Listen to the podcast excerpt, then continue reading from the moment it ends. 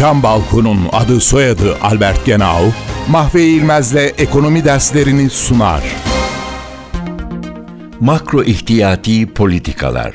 2008 küresel krizinin başlıca nedenlerinden birisi finansal kesimde yaşanan kural dışı uygulamalar ve denetim eksiklikleriydi.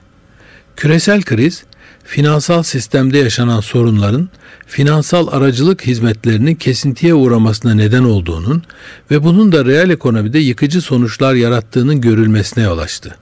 Bu uygulama yanlışları ve eksiklikleri sonucunda ortaya çıkan sistemik riskin azaltılması için makro ihtiyati politika önlemlerine başvurulması ekonomi politikasında ağırlık kazanmaya başladı.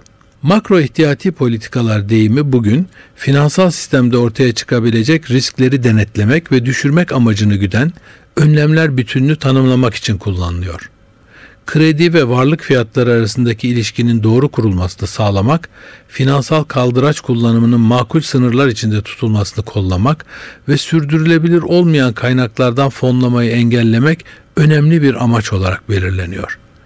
Ayrıca bir kurumdan diğerine sıçrayabilecek finansal sorunları ve bunların yaratabileceği kırılganlıkları denetlemek ve engellemek de makro ihtiyati politikalardan güdülen amaçların önünde geliyor.''